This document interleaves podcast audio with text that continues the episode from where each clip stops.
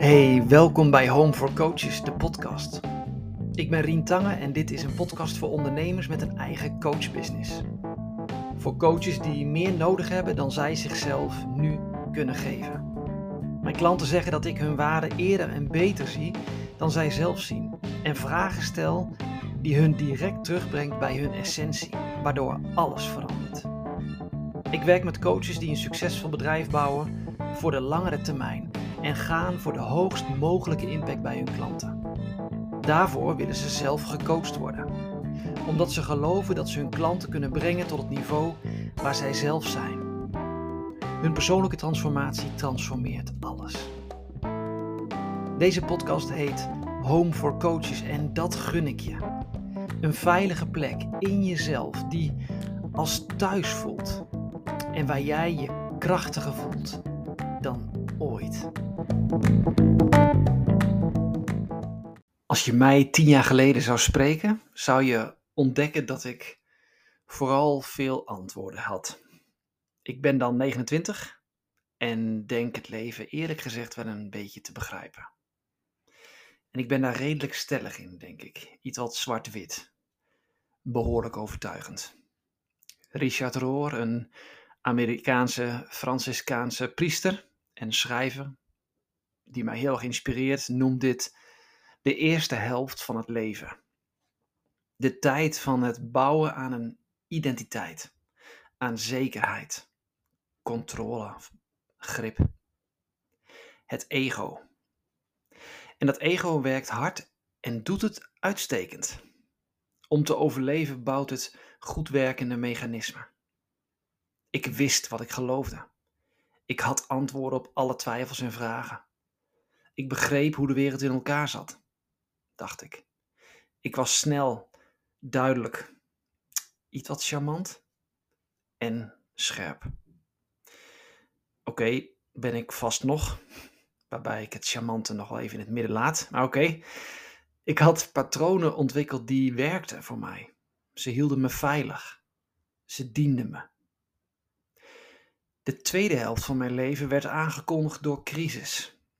Inderdaad, het meervoud van crisis. Een crisis in mezelf, in mijn huwelijk, in mijn geloof. Alles schudde.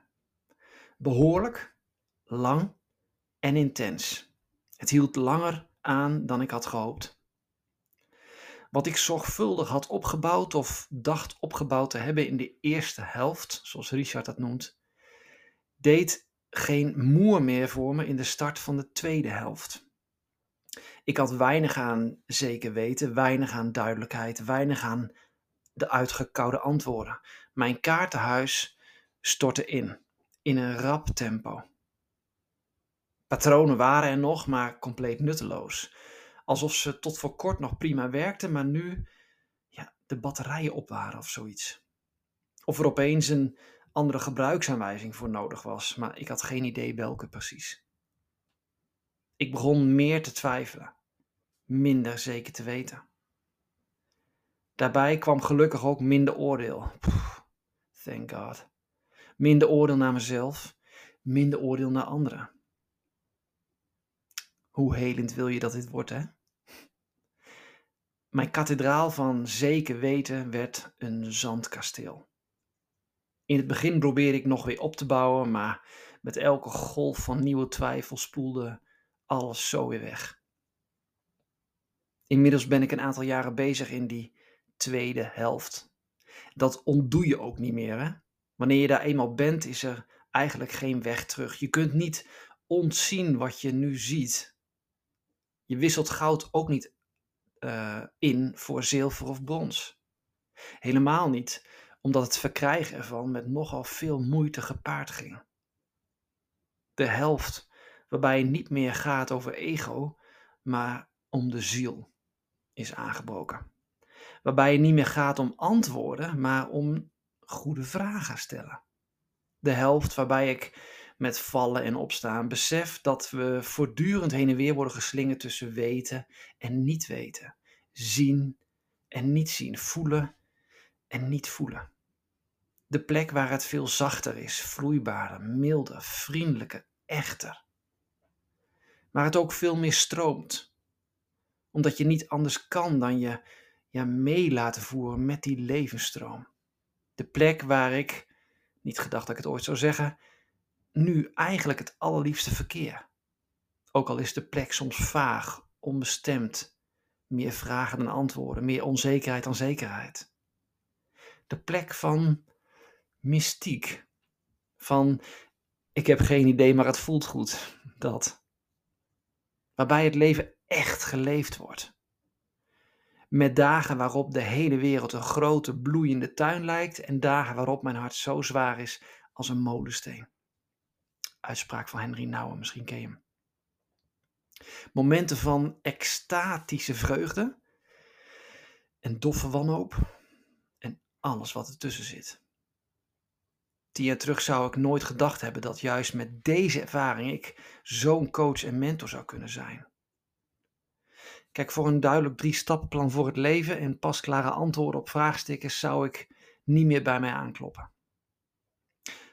Als je jouw plek in het leven wilt innemen als mens, als coach of therapeut, als ondernemer, ja, klop dan vooral wel bij mij aan. Met de disclaimer dat ik dus ook niet alles meer weet. Maar ik beloof je één ding, om maar met de woorden van Bluff te spreken. Omdat het anders wordt. Het wordt beter dan gisteren, mooier en echter. Je zult het zien. Omdat het anders wordt en het kan zoveel beter. Het kan zoveel mooier. Er zijn mensen die het aangaan van de tweede helft in een eentje willen doen. Mijn advies: get a coach. En als ik dat niet ben, vind iemand die bij je past. Maar get a coach. Doe het niet alleen. En je bent van harte welkom met al je vragen, je twijfels, je rafels en je randen. Tot de volgende.